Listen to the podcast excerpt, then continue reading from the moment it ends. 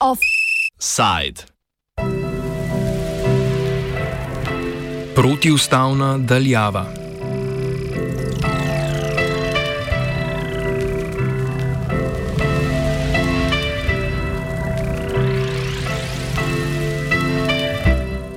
Konec prejšnjega tedna je ustavno sodišče presenetilo marsikoga, ko je odločilo, da so bili sklepi, s katerimi je vlada redno podaljševala začasno prepoved zbiranja ljudi v zavodih z področja vzgoje in izobraževanja, neustavni in s tem neveljavni. Povedano po domače, šolanje nadaljavo je vlada uveljavljala na način, ki nima pravne podlage in zato niti ni nikoli stopilo v veljavo.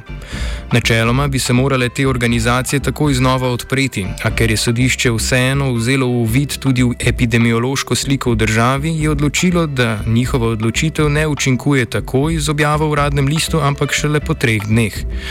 Vlada je pravni odločitvi sodišča ugodila na sobotni dopisni seji, ko je izdala deset odlokov za zaezitev in obvladovanje epidemije COVID-19.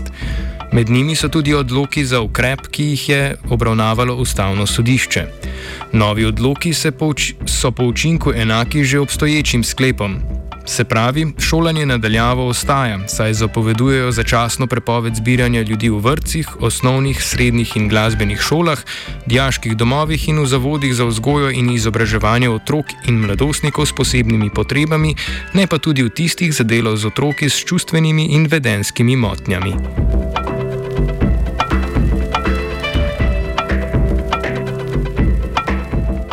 Ustavno sodišče je o ukrepih odločalo zaradi pobude pravnih zastopnikov dveh mladoletnih učencev osnovne šole za otroke s posebnimi potrebami. Odločitev o tem, da mora vlada ukrepe uveljavljati z odloki, ki zahtevajo obsežnejšo obrazložitev in objavo v uradnem listu, je sodišče sprejelo s sedmimi glasovi proti enemu. Slednjega je prispeval Klemen Jaklič, ki bo svoje ločeno odklonilno mnenje še spisal, saj ustavno sodišče pred objavo svoje odločitve ni počakalo na ločena mnenja. O vsebinskem vprašanju, ali je bil ukrep šolanja nadaljavo upravičen tudi za otroke s posebnimi potrebami in ali morda pri tem ni prišlo do nedopustnega posega v njihove pravice, bo sodišče še odločalo. Zato se bomo sedaj bolj posvetili odločitvi glede splošnih ukrepov in njihove pravne podlage. Razmišljanje sodišča razloži samo Bardutski, profesor ustavnega prava z pravne fakultete Univerze v Ljubljani. Ustavno sodišče v veliki meri uh, se mi zdi, da gradi na um, odločitvi iz aprila letos, uh, ko je naložilo vladi, da mora periodično preverjati, uh, nekako, uh, ali še obstajajo razlogi za to, da uh, so uveljavi ukrepi. Takrat se je nanašalo seveda ukrepi za preprečevanje širjenja bolezni, takrat se je to nanašalo na omejitev gibanja, uh, se pravi prepoved prehajanja občinskih meja. Eh, zdaj se je nanašalo pa v bistvu na izobraževanje. Uh, ampak uh, logika je pa podobna. Um, da bi zvesto sledili temeljnu, temeljnemu ustavnemu načelu, to je načelo sorazmernosti, moramo poskrbeti, da ukrepi ne veljajo predolgo, se pravi še potem, ko odpade um, razlog za to, da smo jih sprejeli, se pravi, naprimer, se situacija izboljša ali pa se izkaže, eh, to se mi zdi, da je v tem primeru zelo pomembno, eh, se izkaže, da niso več problem okužbe, ki bi nastajale zaradi določenega ravnanja, ampak so postale prej problem neke druge okužbe oziroma nek drug način širjenja okužb. Se pravi, če nočemo prestopiti meja, ki jih uh, zarisuje načelo sorazmernosti, moramo poskrbeti, da so ukrepi vedno taki, da se z njimi da doseči cilj. Odločitev iz aprila je ustavno sodišče torej sedaj nadgradilo. In tukaj pravzaprav ustavno sodišče nekako gradi naprej. Takrat je vladi naložilo, da mora periodično preverjati, ali obstajajo razlogi. Vlada je to počela s sklepi. Zdaj pa ustavno sodišče reklo, to so pravzaprav predpisi. Vedno, ko nastane nek pravni akt, ki ureja pravna razmerja, je to uh, na nek uh, abstrakten način, je to predpis in ustava izredno zapoveduje, da če hočejo, da, da preden predpisi veljajo, morajo biti objavljeni v uradnem listu. Tako da je pač ustavno sodišče na nek način nadgradilo zdaj to zahtevo po periodičnem preverjanju in vlad, od vlade se pričakuje tudi, da bo to objavljalo na ta način, da se lahko naslovniki pravnih norm seznanijo s temi predpisi. Najbolj problematično pri sprejemanju ukrepov, kot je bil ukrep zbiranja ljudi v izobraževalnih ustanovah in posledično šolanje nadaljavo, je bilo to, da sklep ne zahteva objave v uradnem listu. Poleg tega sklep zahteva tudi precej manj obrazložitev. Po poslovniku vlade morajo predlogi sklepov vsebovati pravno podlago, nosilce nalog in realne roke, roke za njihovo izvedbo. Odlog pa na drugi strani zahteva predstavitev pravne podlage, vsebinsko obrazložitev predlaganih rešitev in presojo posledic po posameznih področjih. Sklep se največkrat nanaša na konkretne situacije, odlog pa vzpostavlja splošno pravilo. Več o razlikah med sklepi in odloki Bardutski. Vlada lahko sklepe sprejema na, zato, da z njimi odgovori na cel kup vprašanj. Bolje je pač pomembno, da od tega ločimo situacije, ko vlada postavlja pravna pravila, ki urejajo pravna razmerja.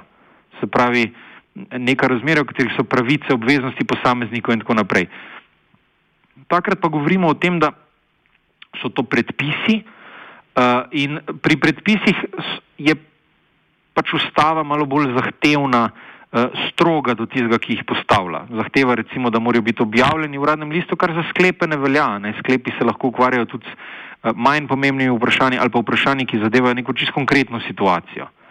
Um, odlog je pa pač ena od oblik, eh, ena od oblik v se lahko, v katerih se lahko sprejme predpis.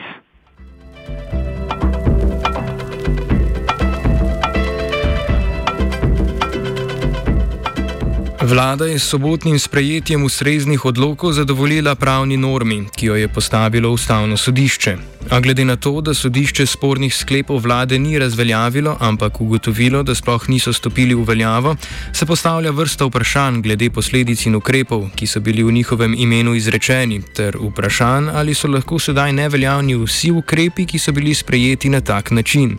Brdutski meni, da to ne velja avtomatično, saj bo moralo v vsakem izmed teh primerov posamično odločati ustavno sodišče, ko bodo preden prišli sodni spori, v katerih bodo posamezniki izpodbijali potencialno sporne sklepe.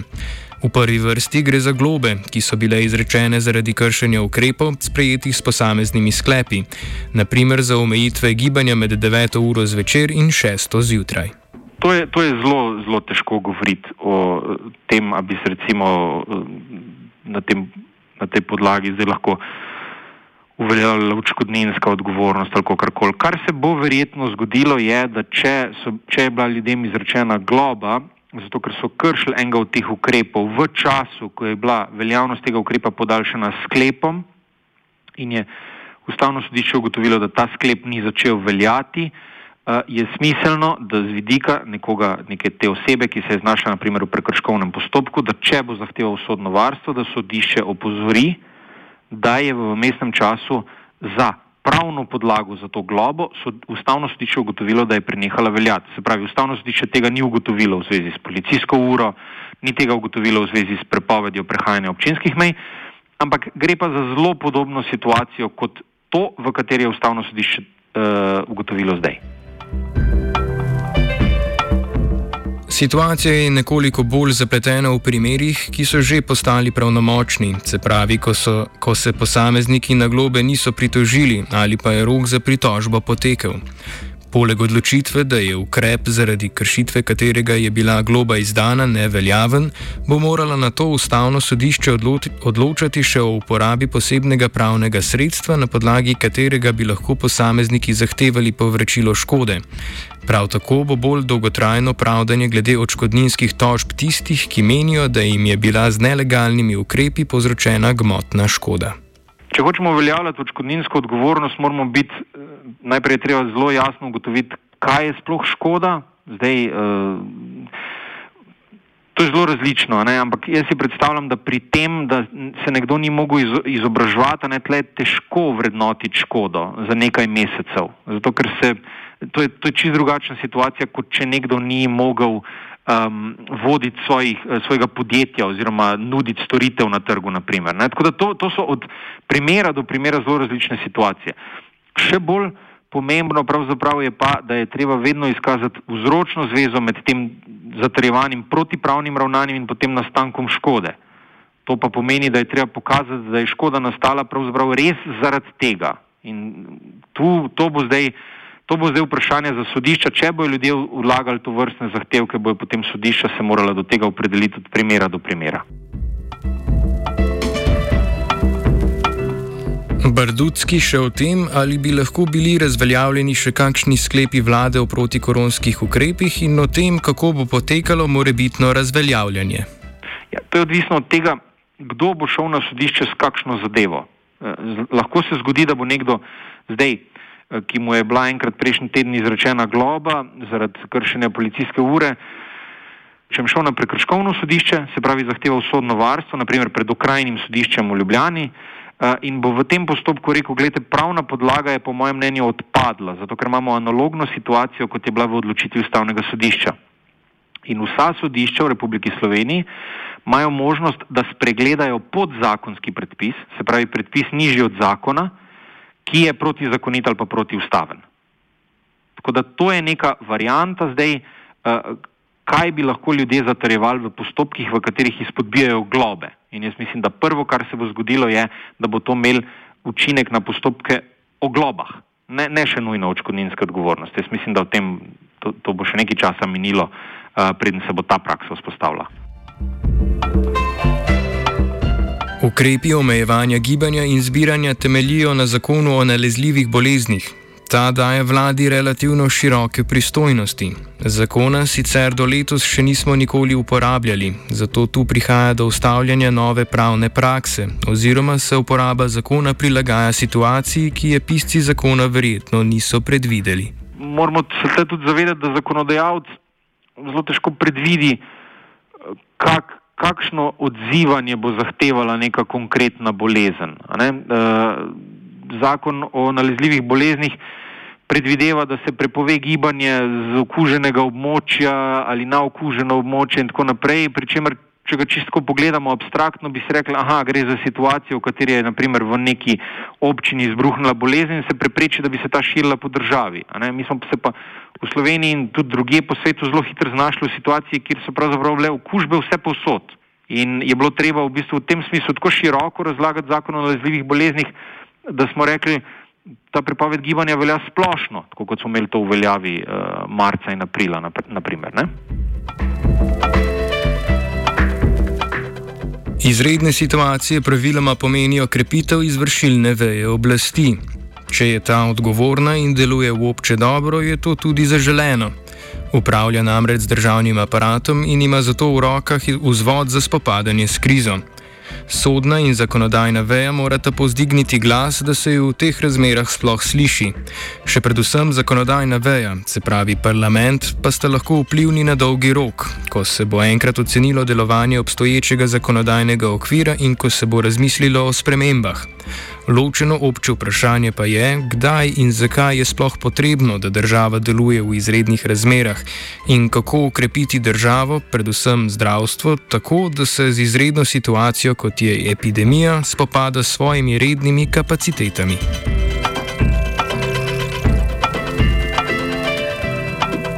Offside je pripravil Gal.